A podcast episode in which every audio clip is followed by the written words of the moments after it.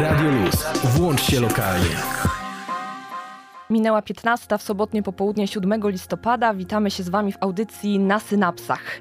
Z każdym tygodniem pogoda za oknem coraz bardziej jesienna, nie daje nam szansy na zbyt wiele aktywności poza domem. Ale my dajemy Wam tę aktywność w postaci najlepszej naukowej porcji wiadomości. U nas nauka nie równa się ocenom i przymuszaniu, a jedynie przyjemnemu słuchaniu. Jak mi się ładnie zrymowało, proszę. Mnóstwo porcji wiadomości, przede wszystkim lokalnych ze świata nauki nas czeka w ciągu tych dwóch godzin. Obiecuję, że nie będziecie się z nami nudzić i spędzicie z nami dobre popołudnie. Przed mikrofonem wita się z Wami Martyna Dziakowicz. Audycję, jak zawsze, dzielnie realizuje Aleks Kartaszow.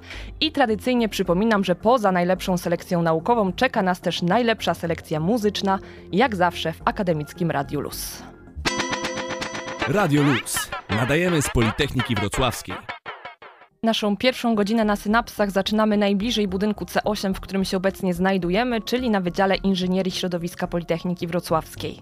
Tam właśnie naukowcy intensywnie pracują nad biodegradowalnymi opakowaniami do przechowywania żywności. Mają one być bezpieczne dla użytkowników, wytrzymałe i przyjazne dla środowiska. Projekt BioFoodPack rozpoczął się dwa lata temu we współpracy z uczelniami z zagranicy. Ale ja nie będę już wychodzić przed szereg, więcej dowiecie się od koordynatora projektu, doktora Karola Leluka. Przedmiotem tego projektu jest stworzenie opakowania, które y, będzie miało zdolność do wydłużenia okresu przydatności materiału spożywczego do spożycia. W jaki sposób? W taki sposób, że to opakowanie pozwoli na sterylizację impulsami elektrycznymi materiału, który jest w środku. No wszystkim nam są znane oczywiście mikrofalówki. Ja w tej chwili patrzę tutaj, stoi na lodówce mikrofalówka. Wszystkim nam, jest znany też napis opakowania, że nie wolno bezpośrednio wkładać w tym opakowaniu materiału do mikrofalówki odgrzewać. Chociaż każdego to korci, jak jest głodny. No tego nie wolno robić z jakiego prostego powodu. Opakowanie podgrzane do temperatury wysokiej, a pamiętajmy, że lokalnie mikrofalówka potrafi bardzo mocno prze... No, też źle mówię, mówię skrótami. To mikrofalówka, mikrofale ogrzewają pożywienie i na to pożywienie może przegrzać lokalnie nasz materiał opakowaniowy i tutaj możemy mieć niestety do czynienia z rozkładem opakowania, tak? Ja nie chcę oczywiście dramatyzować, to nie jest tak, że od razu się zatrujemy, natomiast no, pewne składniki mogą się uwalniać z materiału opakowaniowego do wnętrza pokarmu i to jest niepożądane, to jest bardzo niepożądane. Natomiast my właśnie staramy się opracować taki materiał opakowaniowy, po pierwsze biodegradowalny, po drugie, no, wytrzymały, a więc e, taki, że, żeby można było opakować sobie jak folią, wytrzymały, elastyczny. E, no i po trzecie, najważniejsze, e, pracujemy właśnie nad tym materiałem, żeby można było umieścić produkt spożywczy zamknięty szczelnie i następnie naświetlony impulsem elektromagnetycznym, w zasadzie elektrycznym, bardzo krótkim, ale o bardzo wysokiej amplitudzie i przez to wydłużamy okres do spożycia. Ten projekt trwa, on w zasadzie się już pomalutku kończy. Koledzy tutaj z Portugalii prowadzą badania właśnie nad tym impulsem elektrycznym, to jest ich działka, natomiast koledzy z Cypru prowadzą takie testy no, na ochotnikach. Jest kilkunastu ochotników, nie studentów od razu powiem, nie, no, nie studenci. Dlaczego nie studenci? No ze względu na COVID. Studenci byli świetną grupą, byliby świetną grupą, tak, ponieważ ich jest dużo. Ich jest dużo, natomiast pracowników jest mało. No a też chodzi o to, że to są młode organizmy. Nie są tak zepsute po prostu, jak już mamy tych pracowników naukowych.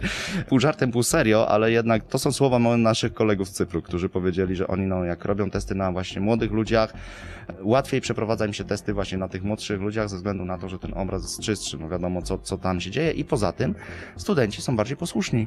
Dostają zadanie, to robią, to wykonują to zadanie po prostu. Natomiast wiemy właśnie od kolegów z Cypru, że mają tę grupę tam, nie wiem, 20-50 pracowników i nie zawsze oni wykonują te polecenia tak, jak powinni. No.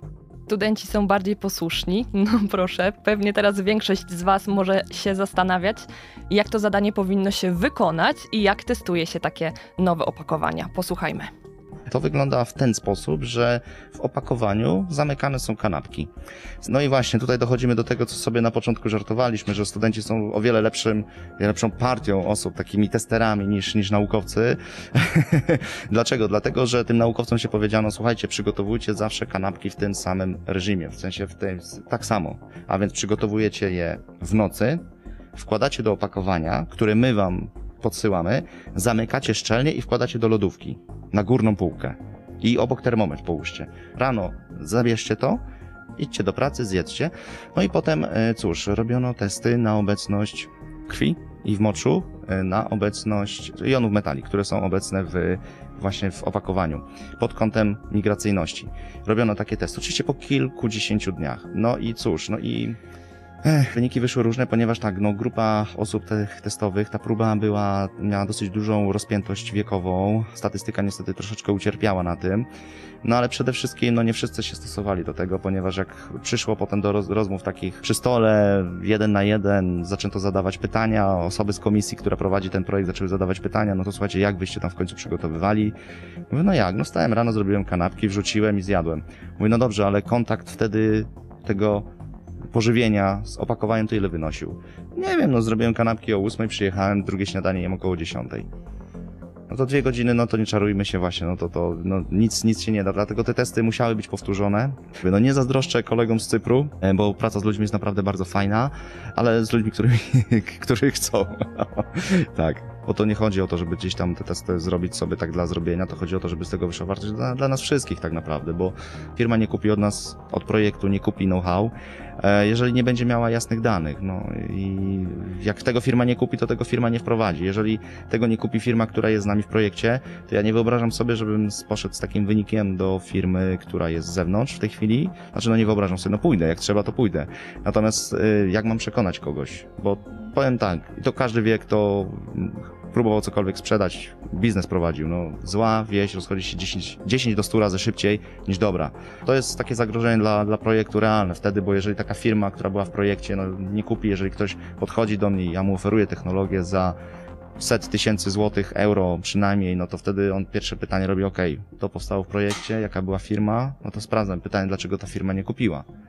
Dlaczego tutaj nie było transferu, skoro ten transfer miał, miał nastąpić? Stąd też mówię, no tu trzeba dokładności na każdym polu, każdy powinien robić to, do czego się nadaje, to co lubi po prostu. My lubimy przetwarzać tworzywa. Nasi naukowcy lubią przetwarzać tworzywa, jak przyznali sami, a my, jako radiowcy, lubimy Wam opowiadać i grać dobrą muzykę. To teraz gramy, a w świat bioopakowań, konkretnie na W7, zanurzymy się ponownie za chwilę. Włącz się naukowo. Zgodnie z obietnicą powracamy już prędko z tematem eko i bio na Politechnice. Nasi naukowcy w pocie czoła starają się ułatwić życie nam i naszej planecie przez testowanie biodegradowalnych opakowań. Sprawdźmy teraz, jak to dokładnie wygląda u naszych tworzywowców chemicznych. Ponownie dr Karol Leluk. W skrócie, nasza grupa tworzywowców zajmujemy się materiałami polimerowymi, czyli tworzywami i to jest baza, od której zawsze wychodzimy, czyli tworzywo. I mówiąc biodegradowalne, to przede wszystkim mam na myśli właśnie tworzywo biodegradowalne, a więc tutaj nie żaden polipropylen, polietylen, polistyren, nadal poli, ale na przykład kwas mlekowy, polikaprolakton.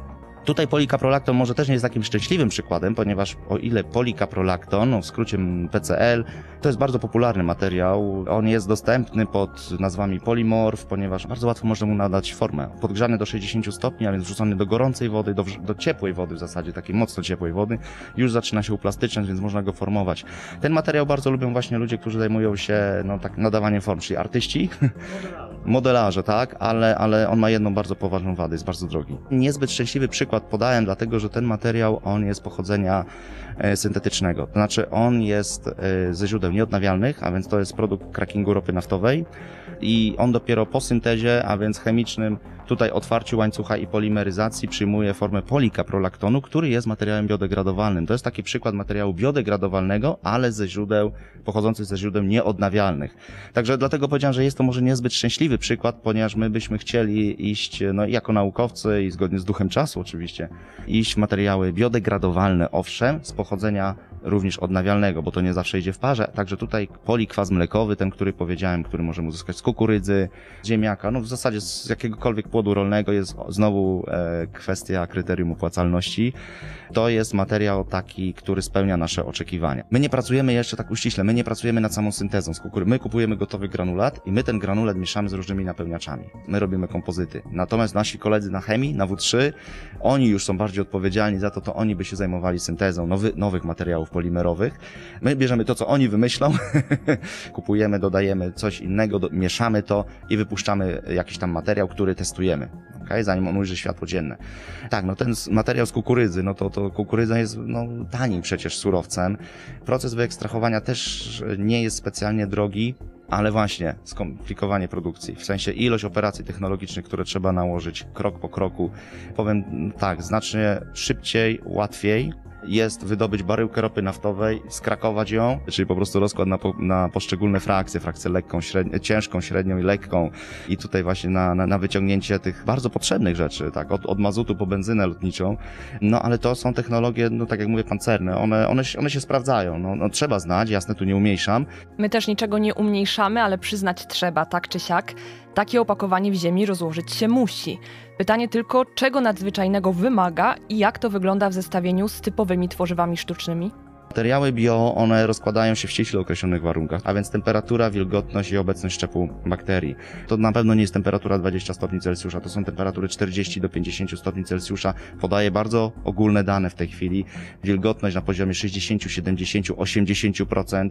W glebie oczywiście. Nie mówimy o rozkładzie na powietrzu. Nie, nie, nie, nie. Natomiast trzeba to mieć bardzo mocno, bardzo mocno na względzie, że te materiały są bardzo podatne na szkodliwe działanie promieni UV, na szkodliwy wpływ otaczającego środowiska, no więc wszystkiego, co jest. A więc promieniowanie UV przede wszystkim ze słońca, także z lamp. To też wilgotność, temperatura, wahania temperatur, niska, wysoka. No, niska, wysoka mam na myśli temperatury, no zimą mamy minus 5 stopni, no w Polsce już te, takie są zimy, ale latem jest plus 30 stopni, ten materiał pracuje. Jak materiał pracuje z obciążeniem termiczne dla niego, też ulega pewnego rodzaju rozkładowi. Materiały ze źródeł odnawialnych z reguły mają bardzo bogate łańcuchy polimerowe w tlen. I tleny, atomy tlenu posiadające dwie wolne pary elektronowe, one są takimi centrami reaktywnymi, które będą po prostu, w cudzysłowie mówię, przyciągały promieniowanie UV, a de facto promieniowanie UV to wysokoenergetyczne będzie tam atakowało, ponieważ atomy te tlenu są bardzo, one nie lubią siedzieć w miejscu. Więc podsumowując krótko, materiały ze źródeł odnawialnych mają niższą trwałość, to jest jasne, natomiast one same z siebie się no, nie ulegają temu biorozkładowi, tak? Także no, nie ma takiej moż możliwości, że ktoś kupi opakowanie sobie, nie wiem, spakuje rano kanapki do foreczka foliowego z biomateriału, przyjdzie do pracy i zostaną mu tylko kanapki. Nie, nie, nie. Nie, to, to ja oczywiście trywializuję, e, ale nie, nie, czegoś takiego nie ma. Czegoś takiego nie ma, ale nasi naukowcy podnoszą sobie poprzeczkę, bo trzeba podkreślić, że chcą tworzyć opakowania nie tylko biodegradowalne, ale też takie, które będą przedłużać trwałość żywności. Coś idealnego dla kruchego pieniężnie życia studenckiego, przyznacie.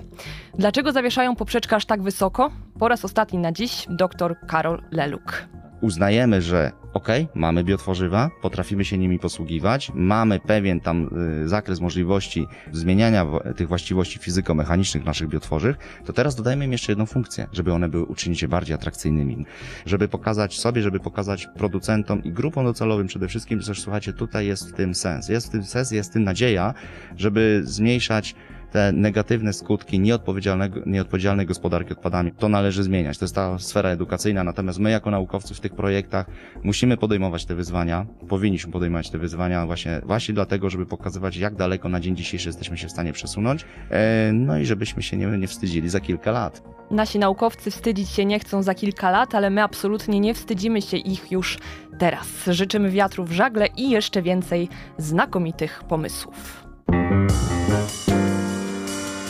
Włącz się na 91 i 6 FM.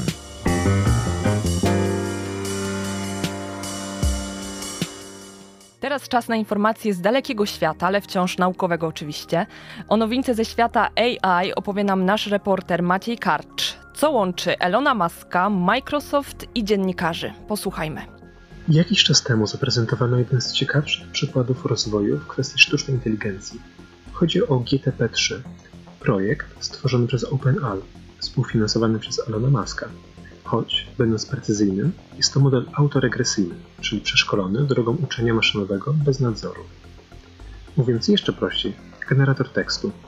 Co sprawiło, że wywołał takie poruszenie? Ale najpierw kontekst. Nieco ponad rok temu OpenAL, zajmujący się sztuczną inteligencją dobrą dla ludzi, zadziwiło świat, pokazując GTP-2, Model tworzący zdania w języku naturalnym. Wyszkolono go na ponad 8 miliardach tekstów, dzięki czemu potrafi sensownie kończyć zdania lub budować długie fragmenty tekstu. Autorzy GTP2 przeraziła jednak skala możliwości modelu, który był zdolny, na przykład, tworzyć fake newsy posługiwać się mową nienawiści. Zablokowali więc do niego dostęp dla nich wtajemniczonych. Kilka miesięcy później GPT-2 został jednak odmrożony i z marszu zaczął zadziwiać świat. W rękach naukowców, badaczy, ale i zwykłych pasjonatów stał się potężnym narzędziem, które zapowiedziało na przykład, że prezydent Trump przegra wybory. Pisało wiersze i teksty piosenek, a nawet opracowało słownik wyrazów nieistniejących wraz z ich definicjami. Bez problemu może generować próbki artykułów prasowych, które ludzie oceniający z trudnością odróżniają od artykułów pisanych od ludzi. Jego poprzednia wersja posiadała złożoność na poziomie 1,5 miliarda parametrów. Nad trójką pracowało przez ponad rok 30 badaczy. Efekt ponad 100 razy więcej parametrów, czyli wartości określających zależności między elementami sieci od poprzednika. Ale można zapytać, i co z tego? Co się zmieniło? Okazuje się, że całkiem sporo. Może on rozumieć na przykład naturalny język, czyli taki, którym się posługujemy na co dzień w rozmowach, i przekładać go na szereg zastosowań, od generowania maili w oparciu o kilka kluczowych słów, przez design o kwestie prawnicze czy medyczne. Bez problemu może generować próbki artykułów prasowych, które ludzie oceniający z trudnością odróżniają od artykułów pisanych przez ludzi. Został on nakarmiony około pół terabajtem danych tekstowych. To przybliżając miliard książek. Jest w stanie zrozumieć zdanie i przetworzyć je na prosty działający kod, bez żadnych wskazówek, dodatkowych danych czy korekt. Potrafi również długi, specjalistyczny artykuł prawniczy skrócić i uprościć tak, żeby każdy go zrozumiał z zachowaniem pierwotnego sensu. Przykład z zakresu medycyny pokazuje, że GTP-3 potrafi dokonać logicznego ciągu rozumowania i dochodzić do sensownych konkluzji, jaki lek i dlaczego powinien działać. Warto wspomnieć, że maszyna jest w stanie uzasadnić swoją rekomendację, wspierając ją argumentami. Przykładów zastosowań jest mnóstwo, a to dopiero wstępna faza rozwoju całego projektu. Jednak istnieje spore ryzyko związane z tego typu przedsięwzięciami. Ostatnio biegła świat sensacyjna wiadoma, że Microsoft zwalnia swoich dziennikarzy i zastępuje ich sztuczną inteligencją. Tworzenie treści w Microsoftie polega na skanowaniu przez sztuczną inteligencję tekstów znajdujących się już w internecie, spośród których redaktorzy wybierają najważniejsze, a czym je przerabiają. Microsoft uznał jednak, że w tym procesie ludzie są już zbędni i zapowiedział zwolnienie 50 redaktorów w Stanach Zjednoczonych oraz 27 w Wielkiej Brytanii. Jak na ironię, dobrze podsumował to sam GTP3. Wygenerował bowiem taką mądrość. Sztuczna inteligencja, jeśli odniesie sukces, stworzy miejsca pracy i zniszczy je, jeśli zawiedzie. To był Maciej Karcz. Dzięki Ci Maćku za ten raport ze świata. Mnie osobiście ta wizja strącenia dziennikarzy ze stołka przez sztuczną inteligencję średnio się podoba. Jestem ciekawa, czy Wy na przykład wolelibyście opowieści sztucznej inteligencji od załogi naszej redakcji naukowej. Ja wspomnę Wam za to o pewnej wiadomości, która podbija naukowe magazyny w ciągu ostatnich dni, a która jest przełamywaniem kolejnych stereotypów na temat kobiet. W prestiżowym Science Advances ukazało się najnowsze badanie, które sugeruje, że tak naprawdę kobiety w przeszłości wcale nie pełniły jedynie roli domowej infrastruktury, jak przyszło nam dotąd sądzić. Znaczna część z nich zajmowała się typowo męskimi zajęciami, takimi jak na przykład polowanie na grubego zwierza. Naukowcy przeszukiwali odkrycia ze 107 innych stref wydobywczych Ameryki Północnej i Południowej w celu odnalezienia kolejnych dowodów na poparcie swojej tezy. I uwaga, łącznie znaleziono 27 grobów, w których oprócz człowieka znajdowały się przyrządy łowieckie. Z tego 16 z nich należało do mężczyzn, a 11, aż 11 do kobiet. Ja uwielbiam te odkrycia na temat kobiet. Jak się okazuje, już w prehistorii byłyśmy gotowe do mocnych i konkretnych walk. Nasze dziewczyny na Politechnice w aktualnych czasach też są gotowe na pojedynki. Jakie? O tym porozmawiamy za chwilę. Akademickie Radio Luz. Włącz się naukowo. Obiecałam Wam temat pojedynków i już go rozwijam tutaj. Otóż co roku na PWR właśnie jesienią odbywają się jedyne w swoim rodzaju ogólnopolskie pojedynki matematyczne, które są formą zdrowej rywalizacji między matematycznymi geekami i nie tylko, po prostu tymi, którzy lubią matematykę. Zanim jednak do samych pojedynków przejdziemy, posłuchajcie mojej rozmowy z organizatorkami wydarzenia, czyli Iwoną Łomikowską i Karoliną Fiutak, które opowiedzą skąd u nich narodziła się pasja do matematyki i jak to wszystko się zaczęło tak naprawdę u mnie to wyglądało w ten sposób, że ja po prostu od dziecka lubiłam matmę. Chociaż jak przyszłam w pierwszej klasie szkoły podstawowej do domu, to spojrzałam na moją mamę, taka siedmiolatka i mówię, mamo, ja to chyba jednak wolę Polaka od matmy. Jakieś zamiłowanie do języka polskiego dalej zostało, ale matematyka, matematyka wygrała. I właściwie dobli nauczyciele przedstawili całe piękno tego przedmiotu, no i jestem tu, gdzie jestem, studiuję matematykę i chyba zamierzam kiedyś skończyć, ale nie będzie to takie odetchnięcie z ulgą i mam nadzieję, że matematyka zostanie w moim sercu tak do końca.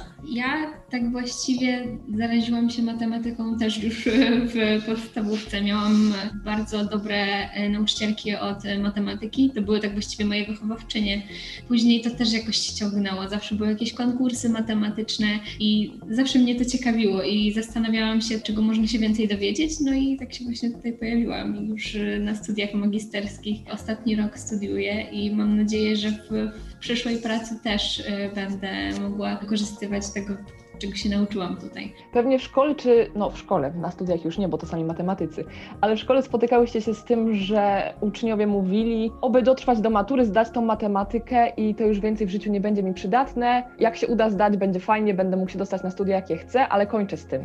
A myślę, że warto jednak uświadomić naszym słuchaczom, że ta matematyka w życiu naszym się przydaje, mniej lub bardziej. Zdecydowanie tak i właściwie to z matematyką jest ten problem, że matematyka w życiu mm, jest bardzo trudna, jeśli chodzi o wzory, jeśli chodzi o pojęcia, na jakich mamy operować. Naprawdę dużo trzeba wiedzieć, żeby tworzyć modele, które są w jakikolwiek sposób miarodajne. Ta matematyka na takim poziomie szkoły podstawowej też jest ważna tak naprawdę, bo ona uczy logiki, takiego podstawowego myślenia i tego, że no, trzeba wykonać pewne czynności, żeby później dopiero móc iść dalej. To jest zabawne, bo jeśli jest jakieś zadanie z matematyki, takie policz, to ktoś przewróci oczami i powie, o Jezu, nie, to nie dla mnie, nie chcę tego robić ale kiedy dać mu jakieś zadanie, które już ma jakąś zbudowaną treść albo jest taką logiczną zagadką, którą trzeba rozwiązać, to ona jest w stanie wywołać o wiele bardziej pozytywne emocje, mimo tego, że jeśli chodzi o taki aspekt techniczny, to to jest to samo. To jest po prostu matematyka ubrana w ładniejsze słowa, ale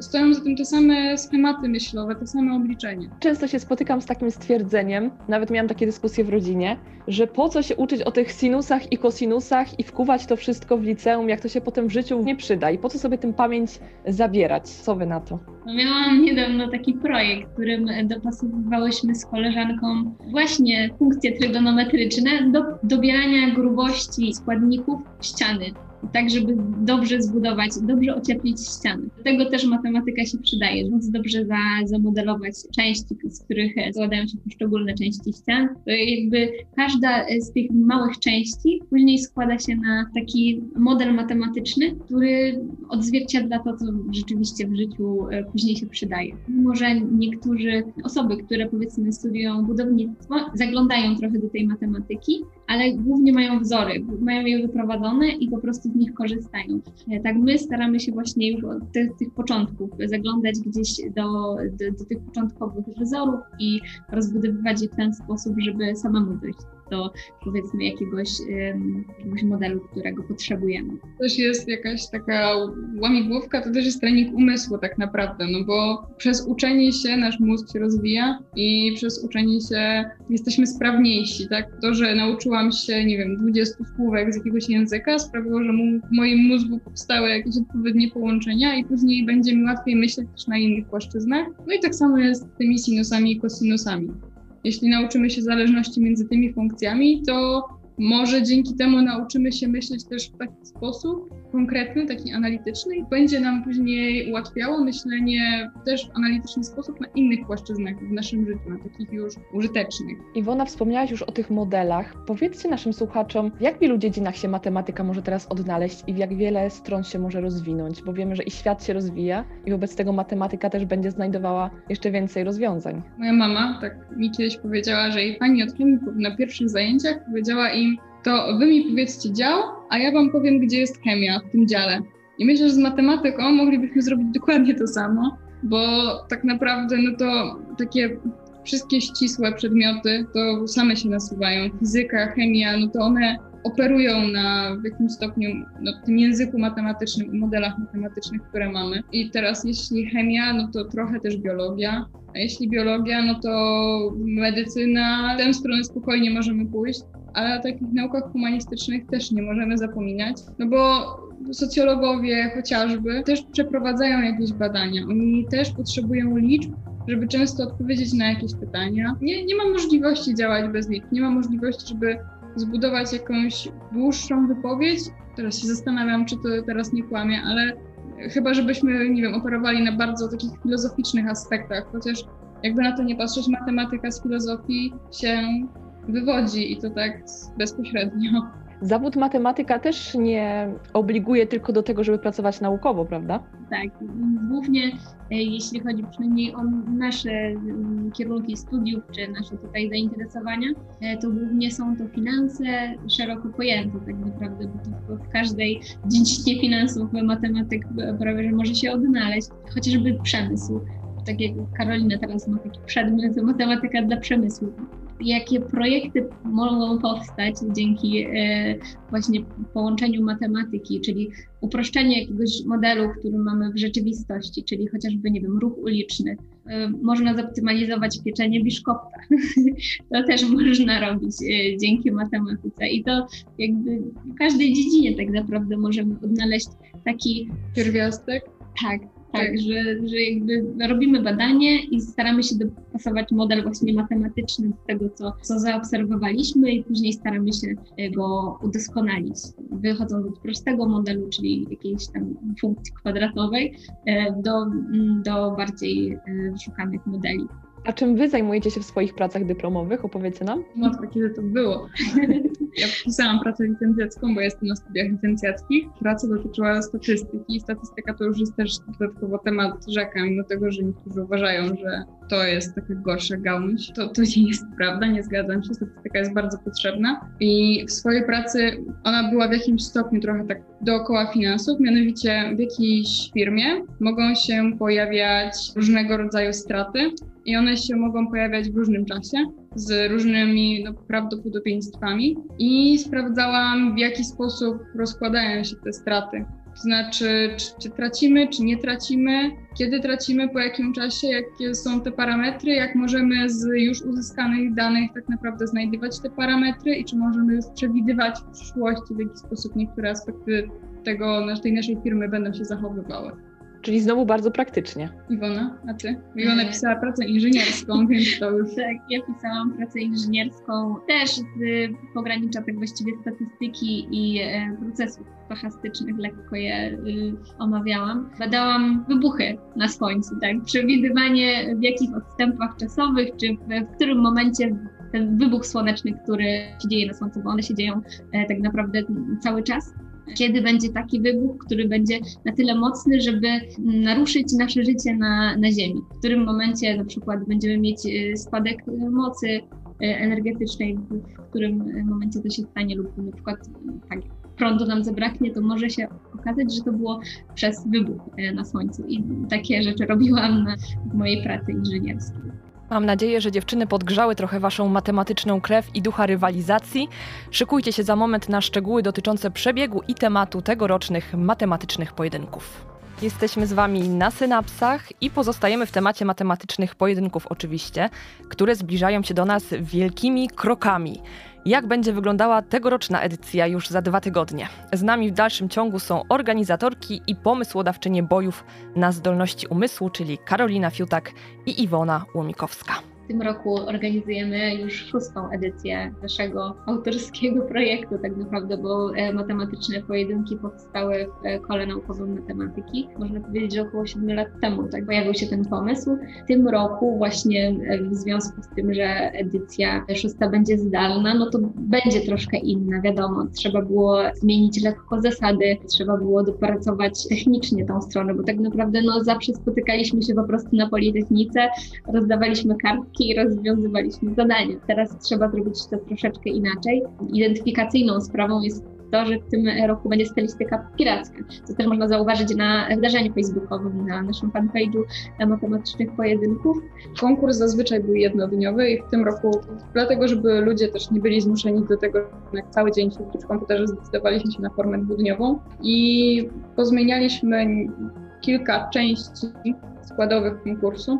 Zazwyczaj wyglądał konkurs w ten sposób, że ludzie walczyli ze sobą w parach, a teraz też ze względów logistycznych i żeby ludziom też ułatwić poruszanie się w tym wirtualnym świecie, jaki my im stworzymy. Jeden z etapów jest taki, że ludzie walczą ze sobą w takich większych grupach i są wyłaniani tak właściwie zgodnie z, zasadami, że musi przejść określona liczba osób i dalej, i dalej i ludzie odpadają na coraz to kolejnych etapach, gdzie drugiego dnia wtedy przechodzi już tylko 8 osób. Drugi dzień zaczyna się wykładem, który będzie otwarty, więc tak naprawdę może tam przyjść każda osoba, nawet taka, która nie jest zainteresowana udziałem w konkursie bezpośrednio i później ludzie będą się pojedynkować. Pojedynek kończy się finałem. Mówi się o tym szybko, myślało się nad tym dłużej. Dołożyliśmy wszelkich starań, żeby ludzie czuli się komfortowo biorąc udział w konkursie i mamy nadzieję, że uda nam się to zrobić. Jesteśmy dobrej myśli. Jakiego typu zadań można się spodziewać? Przykładowe zadania można znaleźć na wydarzeniu. My tam umieszczamy takie zestawy przykładowych zadań i zazwyczaj to są zadania z poprzednich edycji po prostu. Więc to, to jest taki dobry przykład, bo te zadania właściwie rok rocznie układa podobne grono osób. Nie jest to tak, że w jednym roku zadania są jednego rodzaju, a drugiego już są zupełnie, zupełnie, zupełnie inne. Zadania, jeśli chodzi o swój poziom, opierają się mniej więcej na takiej wiedzy z poziomu liceum. Nie ma jakichś bardzo skomplikowanych oznaczeń, czy też skomplikowanych, skomplikowanych informacji, których wymagamy od tych uczestników. Wymagamy myślenia. Chcemy, żeby ktoś ze swoją licealną wiedzą rozwiązywał zadania i tak naprawdę wszystko zależy od tego, czy komuś takie zadania się spodobają i czy mu tak mówiąc kolokwialnie podejdą a nie to, nie wiem, czy jest doktorem, czy jest profesorem, czy może jest po prostu licealistą, bo jakby na to nie patrzeć, były lata, że nawet brał udział w konkursie gimnazjalista, jeden, bo jeden, ale jednak, i zajmował całkiem wysokie miejsca w tym konkursie, więc nie jest to tak, że się nie da i że jesteśmy zamknięci na jakieś małe grono osób, na przykład tylko na studentów. Tak naprawdę zapraszamy wszystkich, każdy może wziąć udział. Każdy może wziąć udział, tak jak powiedziały dziewczyny, bez względu na to, czy kochał, czy nie kochał sinusów i kosinusów w przeszłości, albo innych skomplikowanych działań, bo jak wiemy, dużo tego było przede wszystkim w liceum. Ja się teraz odwracam w stronę Aleksa, żeby pokiwał głową, czy wybrałby się na takie pojedynki? A przebrałby się za pirata? Za pirata chętnie by się przebrał, to możemy się tak podzielić, że ja tutaj wypełniam formularze do zgłoszenia w tym konkursie. Wszystkie informacje znajdziecie na fanpage'u matematycznych pojedynków, na wydarzeniu, fanpage'u koła matematycznego. Dziewczyny czekają na wasze pytania i chętnie na wszystkie wątpliwości wam odpowiedzą. A my wracamy do was po godzinie 16. Radio Luz. Nadajemy z Politechniki Wrocławskiej. Druga godzina na synapsach w to sobotnie popołudnie 7 listopada przed nami. Poszperaliśmy w ubiegłej godzinie trochę w murach Politechniki Wrocławskiej, to teraz czas wypłynąć szerzej na wrocławskie wody. Przed nami spotkanie m.in. z samorządem studentów Uniwersytetu Medycznego, wizyta w Instytucie Immunologii i Terapii Doświadczalnej PAN, ale zanim to, to jeszcze przybliżymy Wam absolutną nowość naukowo-techniczną na wrocławskim rynku badawczo-rozwojowym. Jeśli komuś z Was mówi coś level 4.0, to znakomicie, jeśli nie, to jeszcze lepiej, bo poznacie go z pierwszej ręki już za chwilę. A my tymczasem nieskromnie przypominamy, że jesteśmy z Wami w duecie Aleks Kartaszow i Martyna Dziakowicz i włączamy się razem z Wami naukowo na 91 i 6 FM. Włącz się naukowo. Wrocław cały czas się rozwija, rozwija się także w sferze nowych technologii i współpracy między przedsiębiorstwami, a dowodem tego jest powołanie do życia projektu Level 4.0, czyli nowego Digital Innovation Hubu w naszym mieście. Na łączach Akademickiego Radia Lust jest z nami pani Magdalena Jurek, przedstawicielka firmy Balów, czyli jednego z pięciu podmiotów współtworzących Level 4.0. Dzień dobry pani Magdaleno. Dzień dobry, witam wszystkich serdecznie. Bardzo mi miło, dziękuję za zaproszenie. Postaram się krótko, treściwie i w miarę interesująco, mam nadzieję, dla studentów opowiedzieć, z czym e, to się je. Właśnie, więc zacznijmy może od tego, jak narodziła się idea w ogóle na powstanie takiego hubu w naszym mieście. Ja bym mogła opowiadać godzinami, bo sytuacja była bardzo ciekawa, ale w dużym skrócie myślowym dostaliśmy zaproszenie od Politechniki Wrocławskiej, ponieważ mamy wieloletnią współpracę jako producent automatyki przemysłowej. Wiemy, że są wydziały odpowiednie na Politechnice, e, które e, no, linkują do, do naszej działalności. A Mamy też takie poczucie misji i, i, uwielbiamy studentów, uwielbiamy tą świeżą krew, uwielbiamy dawać możliwość odbycia praktyk, stażu. Zaznaczę, że u nas się kawy nie parzy na stażach, u nas się robi projekty. No i w ten sposób ja akurat y, wylądowałam na tym pierwszym. Do dzisiaj z tego się bardzo cieszę, bo naprawdę mieliśmy napięty grafik. No i na spotkaniu y, wszystko, wszystko potoczyło się bardzo szybko. Zostaliśmy kilku partnerów zaproszonych zostało odpytanych, czy widzą siebie w tym projekcie. Czasu na złożenie aplikacji było niewiele, ale tak, tak właśnie pracujemy, że czasami też w nocy studenci pewnie rozumieją o co chodzi, deadlines gonią, ludzie są zaangażowani, więc pracują tak, jak terminy pozwalają. Zebrało się pięciu konsorcjantów, których powiedziało tak, jeszcze wtedy nie konsorcjantów i zaczęliśmy pracować. Po kilku dniach złożyliśmy aplikację właśnie do ministerstwa z dużą tremą, nie powiem, ręce nam się całkiem radośnie e, trzęsły, bo to jeśli chodzi o naszą firmę pierwszy tego typu duży projekt. No i czekaliśmy z drżeniem na e, wyniki. Wyniki przyszły. Okazało się, że aplikacji było ponad 40. I proszę Państwa, zajęliśmy jako wrocławski hub e, drugie miejsce w tym konkursie. Naprawdę świętowaliśmy. Było to z jednej strony zaskoczenie, ale też e, no, takie ogromne poczucie e, docenienia tej, tej właśnie ciężkiej pracy przy budowie, szybkiej budowie aplikacji. No i następne kroki to już umowy, dużo dokumentów, dużo zmian w pierwotnie proponowanej bardzo podstawowej wersji naszego udziału to się rozrosło. Właściwie rozrosło się u każdego konsorcjanta, bo to też chyba warto powiedzieć, jest nas piątka, e, Politechnika Wrocławska, Uniwersytet Ekonomiczny we Wrocławiu, Wrocławski Park Technologiczny, Test Armii i właśnie Balów odpowiadający głównie za automatykę przemysłową. Jak się współpracuje przedsiębiorstwom ze środowiskami akademickimi, bo tutaj mamy trzy uczelnie i dwa przedsiębiorstwa? To jest e, bardzo e, fajna i, i ciekawe doświadczenie, tak? Współpraca jest e, ciekawa, doświadczenie jest wymagające, natomiast my bardzo korzystamy z doświadczenia w udziale w projektach. Jednak uczelnie mają ogromne zaplecze, mają e, całe zespoły powołane, komórki do różnych etapów. E, przedsiębiorca działa troszkę inaczej, bo działa w życiu mocno biznesowym, więc raczej fokusuje się w firmie na, na elementach związanych stricte z biznesem, więc łączymy to. Bardzo się cieszę, że udało nam się dogadać na przykład co do wspólnego marketingu. Ja, ja jakby e, w tym obszarze najmocniej siedzę, całą sferą techniczną to, to posiłkuję się moimi kolegami inżynierami. Natomiast e, to jest też świetna sprawa, że byliśmy w stanie skrzyknąć się tematycznie, mailowo, konferencyjnie. Wcześniej spotykaliśmy się również w realu, odwiedzaliśmy swoje siedziby po to, żeby zbudować coś unikalnego, żeby Dolny Śląsk był mm, choćby na tle tych pięciu dichów, które wybrało ostatecznie ministerstwo na całą Polskę, e, żebyśmy nie przynosili stolicy Dolnego Śląska wstydu. No i żebyśmy byli kompleksowi w naszej ofercie.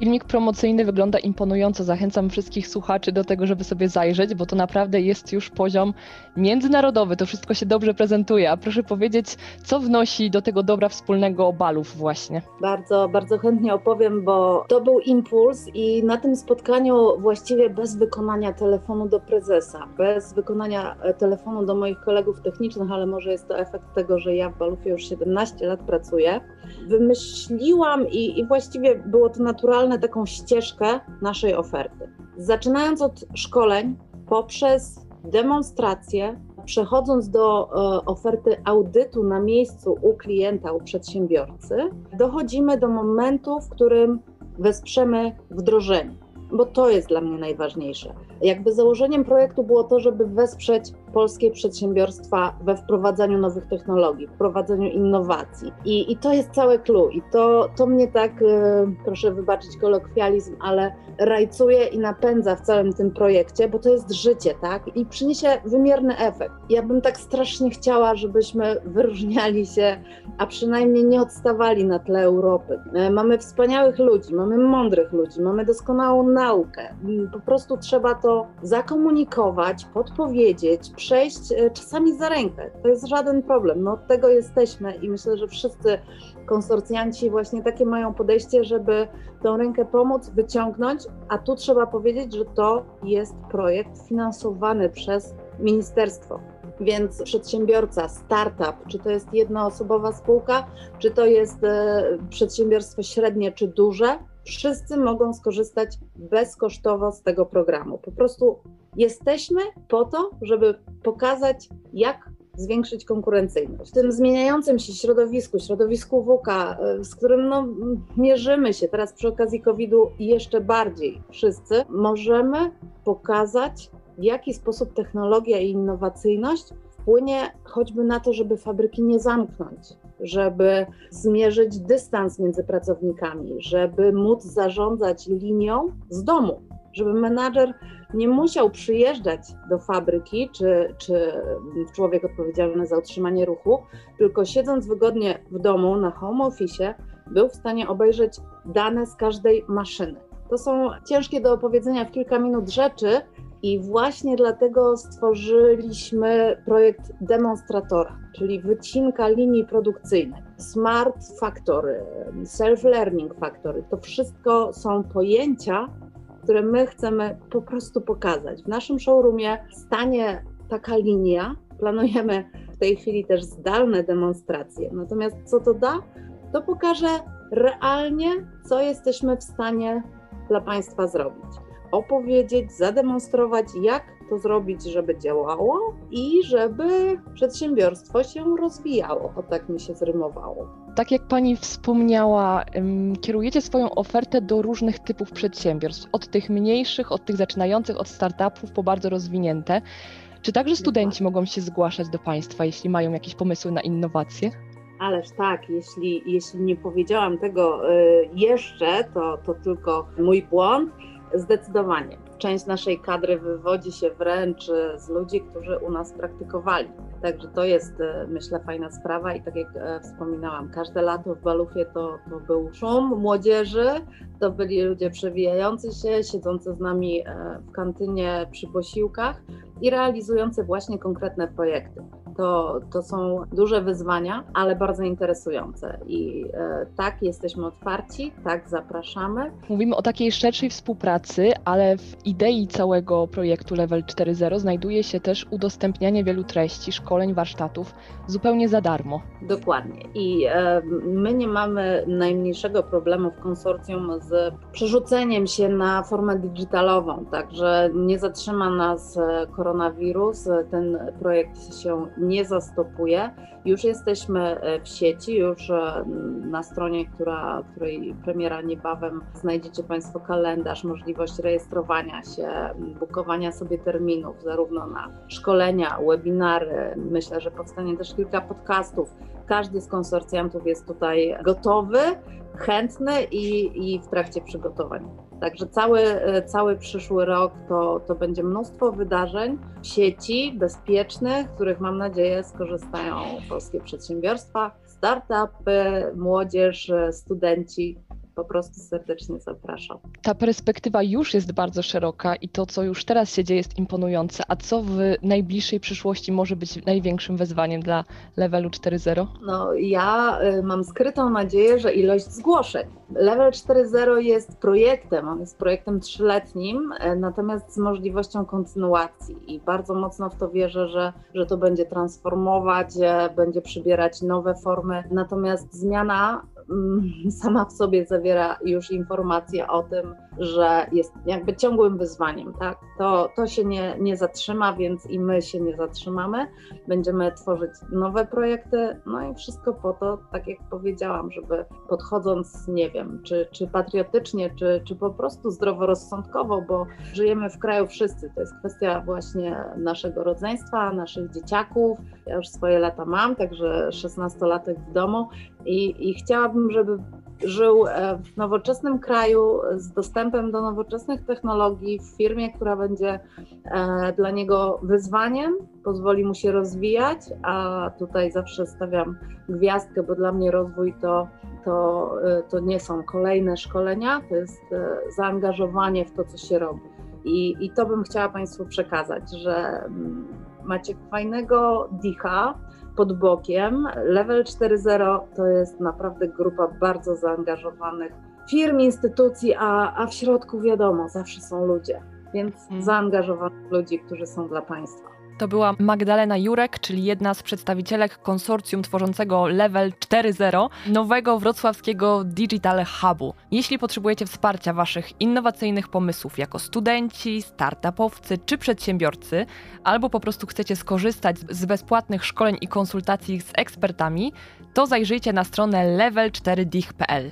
Myślicie, że akurat Wrocław jako polska Dolina Krzemowa brzmi dobrze? Ja myślę, że zdecydowanie tak. Radio Luz. Włącz się na 91,6 FM. Lubimy tematy nowych technologii na naszej antenie, bo ten świat rozwija się błyskawicznie na naszych oczach, ale nie wszystko jest tym naszym oczom dane oglądać. I tak jest na przykład z urządzeniami służącymi do sekwencjonowania naszych genów. Jak wygląda ten świat za drzwiami laboratorium, opowie w rozmowie z Karoliną Pondel doktor habilitowany Łukasz Łaczmański, kierownik Laboratorium Genomiki i Bioinformatyki w Instytucie Immunologii i Terapii Doświadczalnej PAN. Jakie szanse światu daje bioinformatyka? Gdzie rozwój tej dziedziny może pomóc ludziom? Tak naprawdę wydaje mi się, że prawie w każdej dziedzinie związanej z biologią gdzieś ta bioinformatyka się nam pojawia. To tak jak uczenie maszynowe, o ile sobie nie do końca zdajemy sprawę, ale tak naprawdę funkcjonuje na każdym etapie naszego życia, bo wystarczy popatrzeć na nasze smartfony, które posiadamy. Tam y, jest mnóstwo wykorzystywanych algorytmów uczenia maszynowego. Tak samo te bioinformatyczne analizy one są bardzo często w medycynie, w biologii, w nasiennictwie, w rolnictwie i mnóstwo jeszcze innych tematach. A czy jest jakieś urządzenie bioinformatyczne, którego rozwój Pan szczególnie śledzi? W tej chwili dość prężnie działamy przy walidacji sekwenatorów trzeciej generacji. To są takie małe urządzenia do sekwencjonowania, które można tak naprawdę wykorzystywać w dość dowolnych warunkach, nawet w laboratoriach tak zwanych polowych. W tej chwili wystąpili wystąpiliśmy i jesteśmy tuż przed podpisaniem kilku projektów naukowych finansowanych ze źródeł publicznych, gdzie będziemy walidować właśnie te urządzenia. One są jeszcze w fazie prototypowania. Do analizy wykorzystują algorytmy uczenia maszynowego i jeśli uda nam się tutaj uzyskać finansowania, mam głęboką nadzieję, że tak, to będziemy starać się wdrożyć te urządzenia do diagnostyki już takiej codziennej, czy patogenów, czy diagnostyki nowotworowej. Czy mógłby Pan powiedzieć coś więcej na ten temat? Jak wygląda takie urządzenie i w jakich miejscach można by było je stosować? Czy tylko w przychodniach, czy może gdzieś jeszcze? To są urządzenia, które służą do sekwencjonowania materiału genetycznego, natomiast ich podstawową zaletą jest to, że one są przenośne. O ile sekwenatory DNA czy RNA kojarzą nam się z potężnymi urządzeniami, stacjonarnymi, których nie wolno przenosić, do których musimy często wzywać serwis, żeby je odpowiednio kalibrować i tak dalej. O tyle te urządzenia są dość malutkie, w wielkości właściwie pendrive'a, podłączone do zwykłych komputerów za pomocą łącza USB i dzięki nim możemy sekwencjonować materiał genetyczny w warunkach, tak jak powiedziałem wcześniej, polowych, czyli tak naprawdę nie potrzebujemy bardzo wyspecjalizowanego laboratorium, żeby tego typu reakcje przeprowadzić. Także naszym marzeniem jest to, żeby ta technologia trafiła do zwykłych jednostek służby zdrowia i mogła być wykorzystywana do klasycznej diagnostyki, ale tutaj jeszcze oczywiście daleka przed nami droga. Natomiast no, miejmy nadzieję, że uda się to uzyskać. One zostały opracowane dość ciekawy sposób, mianowicie wykorzystujemy tam przeciskanie kwasów nukleinowych przez pory białkowe i dzięki temu jest możliwa tak mocna miniaturyzacja właśnie tych urządzeń i stosowanie ich właśnie w warunkach dość dowolnych. Jeżeli chodzi też e, o badania związane z tym wirusem, który jest dla nas e, teraz szczególnie dokuczliwy, to prowadził Pan też badania tego, w jaki sposób wirus ten przedostał się do nas, do Polski. Czy mógłby Pan powiedzieć coś więcej na temat tych badań i czy używał Pan w czasie tych badań jakichś właśnie nowych technologii związanych z bioinformatyką? Tak naprawdę to ta kwestia przenoszenia się, czy dróg przenoszenia się do Polski, to był taki temat trochę poboczny. Tak naprawdę oczywiście najbardziej nas interesowało poznanie sekwencji nukleotydowej genomów tego wirusa, żeby móc sprawdzić, jakie białka produkuje, w jaki sposób reaguje z gospodarzem, dlaczego jedni chorują objawowo, inni bezobjawowo. I oczywiście opracowaliśmy już kilkadziesiąt sekwencji wirusa z różnych części Polski i to dało nam materiał do właśnie przynajmniej takiego wstępnego sprawdzenia dróg rozprzestrzeniania się tego wirusa. I na przykład udało nam się określić, że jeden z pierwszych przypadków we Wrocławiu przyszedł do nas z Hiszpanii, bo ta sekwencja u nas uzyskana była najbardziej podobna do sekwencji hiszpańskiej. Do celu takiego sprawdzania oczywiście wykorzystujemy mm, sekwenatory, żeby móc sekwencjonować RNA wirusa, natomiast oprócz tego dość wyrafinowane techniki analizy danych, analizy filogenetycznej porównującej różne sekwencje z różnych wirusów sekwencjonowanych w różnych częściach świata. Czy mógłby Pan trochę dokładniej powiedzieć, w jaki sposób wygląda taki proces badawczy krok po kroku, właśnie z wykorzystaniem bioinformatyki i nowych technologii? Wyobraźmy sobie, że mamy nieznanego wirusa, którego chcielibyśmy poznać. Wiemy, że jest to na przykład RNA wirus, który jest odpowiedzialny za pandemię na ogólnie na świecie. W pierwszym kroku, jak już wiemy, że mamy do czynienia z tym wirusem, to oczywiście musimy wyizolować materiał genetyczny tego wirusa. Następnie przeprowadzić tak zwaną odwrotną transkrypcję, aby przetłumaczyć czy przepisać jego materiał genetyczny z RNA na DNA. Następnie przygotowujemy tak zwaną bibliotekę do sekwencjonowania, czyli tak krótko mówiąc, musimy pofragmentować ten materiał genetyczny wirusa. Nie jesteśmy w stanie w jednym etapie przeprowadzić sekwencjonowania całej cząsteczki, więc musimy odpowiednio pofragmentować, przyłączyć odpowiednie startery reakcji i tak dalej. Tak przygotowana biblioteka trafia do sekwenatorów, za pomocą których uzyskujemy miliony krótkich fragmentów sekwencji tego wirusa, pokrywających się sekwencji tego wirusa. I tutaj kończy się część eksperymentalna, ta stricte laboratoryjna, a zaczyna się część analityczna, ponieważ teraz z tych krótkich fragmentów, takich można powiedzieć pucli, musimy złożyć pełną sekwencję wirusa. Do tego celu służą odpowiednie algorytmy porównujące między sobą, czy nakładające te sekwencje na siebie, tak, żeby uzyskać sekwencję wypadkową. No i tak to wygląda. Z reguły to jest tak, że tak jak powiedziałem wcześniej, przygotowanie samej części laboratoryjnej, tak zwanej mokrej, trwa 3-4 dni. Po tym czasie już mamy taką mieszaninę właśnie sekwencji, a następnie kilka, czy czasem nawet kilkanaście albo i kilkadziesiąt tygodni zajmuje nam złożenie tej sekwencji do jednej właśnie takiej wypadkowej. Jeśli chodzi o wirusa SARS-CoV-2, to tutaj akurat udało nam się dość szybko, głównie dlatego, że to jest stosunkowo mały wirus, więc y, jeśli mnie pamięć nie myli, to po miesiącu mieliśmy już gotową pierwszą sekwencję.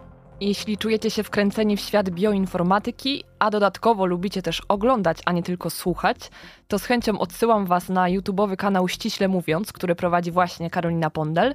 Tam już niedługo wizyta w Panie i cały wywiad z doktorem habilitowanym Łukaszem Łaczmańskim.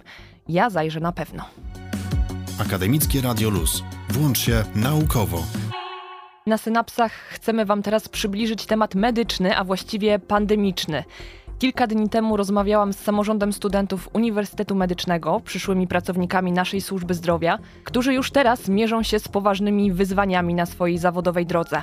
Rozmawialiśmy dużo o tym, jak odnaleźć się w tej sytuacji i jak pomóc Wam, słuchaczom, mieszkańcom Wrocławia. Posłuchajmy więc, czy studenci Uniwersytetu Medycznego czują na swoich barkach społeczną misję. Myślę, że ta społeczna misja nie powinna dotyczyć tylko studentów, powinna dotyczyć każdego człowieka, ponieważ niestety, czy tego chcemy, czy nie, czy nam się podoba, czy nie, żyjemy w czasach pandemii. Dlatego rolą każdego odpowiedzialnego obywatela, chyba każdy z nas takich chce być, jest to, żeby chronić nie tylko siebie, ale i swoich bliskich oraz anonimowych ludzi, których mijamy na ulicy. Dlatego maseczka staje się obecnie, przynajmniej moim zdaniem, takim swoistym symbolem odpowiedzialności. Wydaje mi się, że społeczna misja to nie jest coś, co y, u studentów jakichkolwiek kierunków medycznych czy jakkolwiek związanych ze zdrowiem, to jest coś, co jest wykształcane w samym toku studiów. To właśnie taka sytuacja jak pandemia sprawdza, na ile zakorzeniona jest w nas samych, jako społeczeństwie, jako narodzie, tym 38-milionowym, poczucie tego, że możemy zadbać o kogoś innego i możemy przyczynić się do tego, że jakaś groźna sytuacja, która nie jest opanowana i która będzie opanowana za długi czas i dużym kosztem, nie będzie wpływała na naszą codzienność. I wydaje mi się, że tutaj mamy jeszcze sporo do nauki jako my wszyscy. Zdecydowanie kwestia nauki tej sytuacji jest y, ciągle przed nami. Rzucone było hasło takiego społecznego zniewolenia, które poczuliśmy poprzez pojawiające się obostrzenia i sytuacje konieczne jak zakładanie masek czy ograniczenie kontaktu z bliskimi. No i ta, ta misja będzie właśnie trwała w najbliższym czasie, żeby nauczyć się z tą codziennością żyć, tą codziennością, która jest tak mocno odmienna od tej dotychczasowej, a też nie, nie jest przewidziany i nie jest sformułowany jej dokładny koniec, więc te czasy, które nadchodzą są nieznane i musimy się szybko w nich odnaleźć, żeby nie były dużo gorsze, nagle i niespodziewanie. Moim zdaniem to jest pewien rodzaj odpowiedzialności społecznej. E, jeżeli nie zależy nam na naszym zdrowiu, chociaż oczywiście każdemu powinno zależeć, to zastanówmy się nad zdrowiem innych osób, naszych bliskich, osób, które na co dzień mijamy na ulicy, w autobusie. Maseczka nie tylko chroni nas, ale głównie chroni osoby, z którymi się stykamy. I e, nie chcielibyśmy doprowadzić do sytuacji, kiedy ktoś z naszych bliskich przez nas, przez naszą nieodpowiedzialność pewnego rodzaju, po prostu zarazi się i, i będzie miało to jakiś negatywny wpływ na jego zdrowie czy życie. Ja jeszcze chciałem wrócić do tego, co y, przed chwilą Olaf mówił na temat tego, że maseczki wprowadziły takie poczucie zniewolenia. I to jest jasne, że żadna prośba od władz, żadne nowe obostrzenia nie będą mile widziane, dlatego że no, my zawsze poczujemy się w jakiś sposób osaczeni przez to i to jest zupełnie naturalne, bo żyjemy w wolnym społeczeństwie, w którym nigdy takiej sytuacji od tam dziesiątek lat nie było. Cały cel tego wszystkiego polega na tym, żebyśmy nauczyli się sobie wzajemnie ufać. I to jest taki najlepszy czas, żeby faktycznie to zaufanie do siebie nawzajem wykształcić, być może nawet czasami zupełnie od podstaw, ale kiedy widzę kogoś na ulicy, kto nie ma maseczki, to przynajmniej tak mi się wydaje, że większość z nas y, czuje taki wewnętrzny zgrzyt. Dlaczego ty jej nie ubrałeś? Dlaczego przez tę chwilkę nie chciałeś się zatroszczyć o takie nasze wspólne dobro? Ja osobiście czuję dużo większy zgrzyt w momencie, kiedy widzę osobę w maseczce założoną poniżej nosa. No to wtedy to jest taki zgrzyt jeszcze większy niż w momencie osoba bez maseczki chodząca. Jeżdżę do pacjentów w pogotowiu, to mówię im tak, jak widzę takie maski, kiedy wchodzimy do mieszkania zakładane w ten sposób, to bez ogródek y, rzucam zdanie, jeżeli tak ma pan, pani zamiar nosić maskę, to równie dobrze można użyć jej jako majtek. I bardzo szybko to wpływa na ich mentalność, mam nadzieję, i będą to rozpowszechniać, ale to jest takie już dość rygorystyczne podejście, no bo mnie zwyczajnie denerwuje. Zwykłe kampanie społeczne, które zostały wdrożone, pamiętam e, początek tej pandemii, jak radiowozy jeździły i ogłaszały komunikaty o prawidłowym zasłanianiu ust i nosa, to było bardzo mocno akceptowane, no chyba nie trafiły do ludzi, może, może do polskiego społeczeństwa trzeba troszkę inaczej mówić. Ja się bardzo często spotykam z argumentem, że niewygodnie się oddycha w maseczce. Owszem, zgadzam się z tym, ale jest pewna grupa społeczna, jak lekarze, pielęgniarki, ratownicy medyczni, którzy bardzo często na co dzień pracują w maseczkach. To też są ludzie, oni oddychają dokładnie tak jak my i oni jakoś sobie potrafią z tym poradzić, więc zwalanie na dyskomfort tego, że nie chce się nosić maseczki, nie jest dla mnie argumentem. Ja rozumiem, że ktoś może mieć jakieś problemy z oddychaniem, ale skoro część ludzi jest sobie w stanie z tym poradzić, to myślę, że ty osoba, która nie chcesz nosić maseczki, też powinnaś sobie z tym poradzić. Ale to nie tylko są lekarze, ale również też masa ludzi, którzy wykonują na co dzień swoją pracę. Ekspedienci w sklepach, ludzie pracujący w gastronomii, którzy są zmuszeni często do pracy chociażby w kuchni, gdzie ta temperatura jest bardzo wysoka, oddycha się bardzo ciężko, którzy również zachowują ten rygor noszenia maseczek, zachowują pełny rygor sanitarny, więc bardzo próżnym zachowaniem jest e, negowanie jeszcze pandemii. To już wynika z jakiejś czystej głupoty i chyba chęci no, poczucia się, wiecie, w jakimś elitarnym gronie ludzi oświeconych, ale jest to bardzo nie w porządku do całej reszty społeczeństwa, która w pewien sposób zmuszona jest do tego, cudzysłowie oczywiście, poświęcenia noszenia maseczek, po to, żeby nie narażać innych ludzi dookoła. Ja się osobiście bardzo cieszę, mimo noszenia okularów. To jest chyba największym problemem, właśnie parują. Ale dzięki temu, kiedy wychodzę na ulicę, mogę spojrzeć spokojnie w lustro w sklepu i zobaczyć, kurczę, naprawdę przystojnie wyglądam w maseczce w panterce. Na synapsach rozmawiamy z samorządem studenckim Uniwersytetu Medycznego we Wrocławiu o ich społecznej misji i o tym, jak odnajdują się w aktualnej sytuacji epidemiologicznej. Ja na przykład zawsze gdzieś jak jestem albo gdzieś, nie wiem, w przestrzeni publicznej, to zawsze zwracam ludziom uwagę.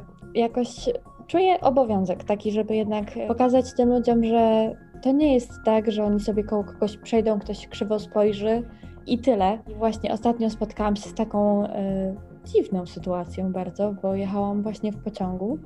No i jechała chyba tak na skos ode mnie jakaś taka pani. No i stwierdziłam, że wydam się z tą panią w dyskusję. Tak z ciekawości, tylko żeby się zapytać, jaką ma motywację nie noszenia tej maseczki, gdzie ją to tak naprawdę nic nie kosztuje, bo co to jest zasłonić usta i nos tak naprawdę. No i powiedziała, że ona y, czuje, że przez te wszystkie rozporządzenia, które wyszły i te lockdowny i te zakazy i, i jakby zalecenia, które są, właśnie ludzie to bardzo źle postrzegają, postrzegają jako ograniczenie ich wolności. Ona mówi, że jej się to kojarzy ze starymi, złymi czasami. Ona nie będzie sobie pozwalała, żeby jakiś rząd albo ktokolwiek mówił jej, co ona ma robić i jak ma chodzić po mieście, bo to nie te czasy, ona nie będzie. Że ty nie masz prawa y, tego mówić. A dlaczego? No bo nie.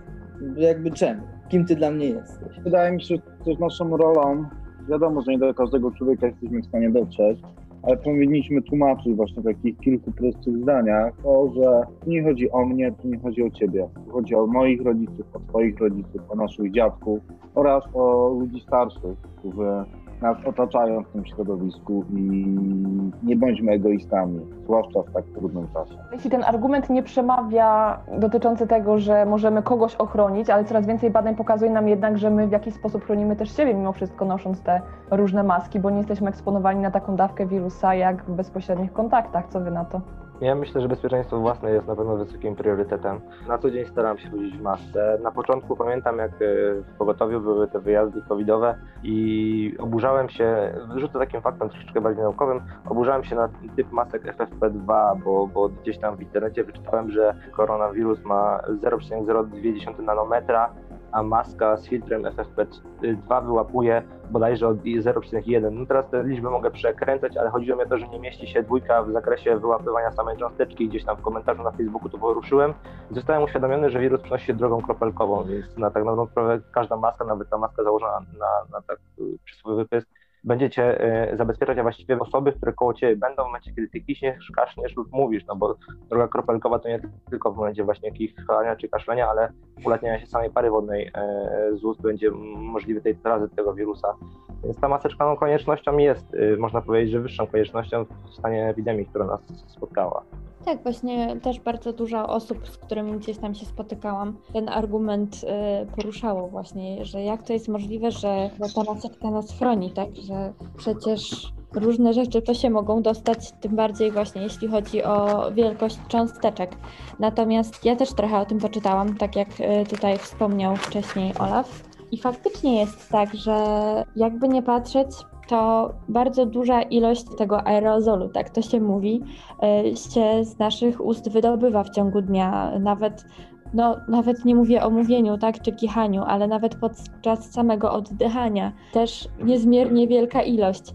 Więc trzeba pamiętać o tym, że tak naprawdę wszystko, co robimy, y, ma wpływ, tak? Że nawet jeśli, nie wiem, wezmę tą maseczkę, ściągnę, bo też widziałam takie sytuacje, że pani ściągała, żeby kichnąć sobie w łokieć i ubierała na nowo, gdzie to kompletnie nie widzę tutaj logiki, ale są tacy ludzie, bo uważają, że jak kichną do maseczki, no to oni się będą już później sami tak jakoś narażać, czy coś takiego. Jest bardzo duża nieświadomość ludzi odnośnie tego, jak ta maseczka działa, jak ją powinno się prawidłowo nosić tak naprawdę, co ile powinno się ją zmieniać, tak, na przykład, bo niektórzy, był taki śmieszny mem zresztą, jak przeżyjesz e, drugą falę pandemii w tej samej maseczce co pierwszą, to już znaczy, że jesteś nieśmiertelny. Ale tak naprawdę, no, To tak trochę y, ze śmiechu można się pośmiać, ale trzeba mówić trochę o tym więcej. Tak mi się wydaje. Tym bardziej, że y, teraz właśnie niektórzy mówią, że maseczki zakładamy częściej niż bieliznę. Często powinno się zmieniać maseczkę. Po każdym kichnięciu wiem. Po każdym kichnięciu, a jeśli nie kichamy, no to praktycznie co dwie godziny. Y, te maseczki fajnie podsumowuje takie dosyć popularne stwierdzenie teoria sera szwajcarskiego. Bo ser szwajcarski ma dziury. I jeżeli maseczkę nosi jedna osoba, no to przejdzie przez część tych dziur wirus. Jeżeli zachowujemy dodatkowo ten dystans 1,5 metra, 2 metry, no to mamy kolejne dziury, od których część wirusa się odbije. A jeżeli jeszcze osoba po drugiej stronie ma maseczkę, no to wiadomo, że zatrzymamy tego wielokrotnie więcej. To nie jest tylko ta jedna maseczka, to nie jest tylko ten kawałek papieru. To jest taka zbiorowa dyscyplina. Bardzo dobrze powiedziane. To jeszcze reasumując, krótkie zalecenia dla nas wszystkich, słuchajmy i przyswajajmy. Wkładać maskę na usta oraz nos. Dociskać ją dobrze, żeby nie parowały okulary i nosić zawsze i wszędzie. Dbać również o zachowanie dystansu, czyli starać się, żeby te półtorej metra mimo wszystko było zachowane. Kiedy wchodzimy do sklepu, stoimy w kolejce, nie pchajmy się na siebie i zachowajmy tą przestrzeń. Oczywiście maseczka to jest taki maskę, to wiadomo, ale dodanie tego dystansu społecznego no na pewno nie, nie zaszkodzi. No i nie bójmy się może zwracać uwagi ludziom, tak? Jeżeli nie noszą maseczek, dbajmy o siebie, o wszystkich dookoła, a nie tylko o swoje dobro. Ja bym jeszcze zaapelował o rozwagę w wyborze jednak tych takich śmiesznych przyłbic, chociaż nawet nie można tego tak nazwać, bo to zasłania ledwo tam same usta, to dopiero nos. Przyłbica z definicji założenia ma właściwie chronić e, twarz przed dotykiem. Mamy tendencję, można sobie znaleźć gdzieś tam liczby w internecie, ile razy dziennie dotykamy swojej twarzy, więc tutaj ta przyłbica macie ochronić przed tym, żeby ten transfer wirusa nie nastąpił na okolice, w których on łatwiej będzie się mógł wchłonąć do swojego organizmu, więc te przyłbice, które są takie bardzo śmieszne, ale bardzo fashion, no nie spełniają niestety swojej funkcji, mogą być noszone jako dodatek y, do kreacji, ale raczej nie spełnią swojego założenia w, w aspekcie ochrony. Może jeszcze nawiązując, jeżeli chodzi o maseczki, wiemy, że maseczki też są różne. Niektóre szyjemy sobie sami w domu, inne to są chirurgiczne, inne to są już specjalistyczne z filtrami. Warto, zakładając taką maseczkę, pamiętać, na ile ta maseczka może nas ochronić i, i właśnie mieć to na uwadze też. Te maseczki też mają różny czas noszenia, jeżeli chodzi o, o to, ile możemy w nich e, tak chodzić. Nie wiem, tutaj myślę, że studenci medycyny lepiej by się wypowiedzieli na ten temat, natomiast warto pamiętać właśnie o tym, że te maseczki są różne i różnie nas chronią. Ja się boję tego, że nie było właściwej kampanii społecznej. Społeczeństwo w tym aspekcie nie zostało wyedukowane przez możnowładców, którzy zalecili takie, a nie inne restrykcje, więc ciężko jest wymagać czegoś od kogoś, jeżeli się go tego nie nauczyło. A to właśnie nastąpiło. Powiedziano noście maski, no to ludzie sobie założyli, co uważali i w tym chodzą. Uważają, myśląc, że spełniają założenia z tego wynikające a to nie do końca tak działa, więc tutaj wydaje mi się, że też kampania jakaś społeczna, która powinna być zakrojona na szerszą skalę. Widziałem parę reklam, niektóre były dobre, pamiętam taką jedną z ojcem i synem właśnie o tam aspektach robienia zakupów przez internet, o myciu rąk przez 30 sekund, to było fajne, ale tego było zdecydowanie za mało. Za mało jest billboardów, sloganów, E, przez okres wyborów przebiło się zdecydowanie więcej twarzy bez maseczek niż w maseczkach, a to też nie był koniec tego wszystkiego. To był też okres przygotowania nas na tą drugą falę, na którą nie zostaliśmy przygotowani, bo były ważniejsze rzeczy. Można było to rozegrać inaczej, lepiej, bardziej strategicznie. No nie, nie nastąpiło to wtedy, mamy jeszcze chwilę, żeby to zrobić, więc może warto by jakiś tutaj wystosować krok w tym kierunku. To tylko fragment mojej rozmowy z przedstawicielami samorządu studenckiego Uniwersytetu Medycznego. Całość ukaże się w naszych radiowych podcastach. Usłyszycie w niej m.in. o wizji bliskiej medycznej przyszłości i decyzjach polityków wobec służby zdrowia. Koniecznie obserwujcie nasze podcastowe nowości. Dziękuję samorządowi i studentom za tę rozmowę i przypominam, że przyczynkiem naszego spotkania stała się wspólna akcja razem z naszym radiem. Akcja pod hasłem Nosze Bo Challenge. Stworzyliśmy wyzwanie w naszych mediach społecznościowych. Więcej informacji znajdziecie na Facebooku i Instagramie Radia Luz. Nagrywamy krótkie filmiki z uzasadnieniem, dlaczego nosimy maseczkę, nominując do akcji kolejne trzy osoby. Chcemy Wam pokazać i zachęcić też do tego, żeby maseczkę nosić z własnej woli, a nie z przymusu zewnętrznego. Zajrzyjcie koniecznie do sieci i włączajcie się razem z nami. Hashtag noszę bo challenge, noszę bo i tu zostawiam trzy kropki na Waszą odpowiedź. Na koniec zostawiliśmy sobie coś, co dzieje się już w czasie rzeczywistym i to dosłownie, a mowa oczywiście o Space Week Wrocław, który świętuje przez ten weekend. Obserwuję sobie tutaj teraz wydarzenie na fanpage'u wydarzenia właśnie. Dostępna jest jeszcze konferencja online, można się do niej przyłączyć. Zachęcam serdecznie po zakończeniu naszej audycji. A na jutro w planie jest jeszcze mnóstwo warsztatów. Cały harmonogram dostępny jest na stronie internetowej. Możecie się bez problemów logować. Wiek, do którego się zachęca, to tak naprawdę od czwartego roku życia do plus 104, czyli każdy znajdzie coś dla siebie i miejsca są jeszcze wolne, więc korzystajcie koniecznie. A za dzisiaj Wam bardzo dziękujemy. Aleks Kartaszow i Martyna Dziakowicz. My na Synapsach słyszymy się już za tydzień w sobotę, a Wy zostańcie z Akademickim Radiem Luz.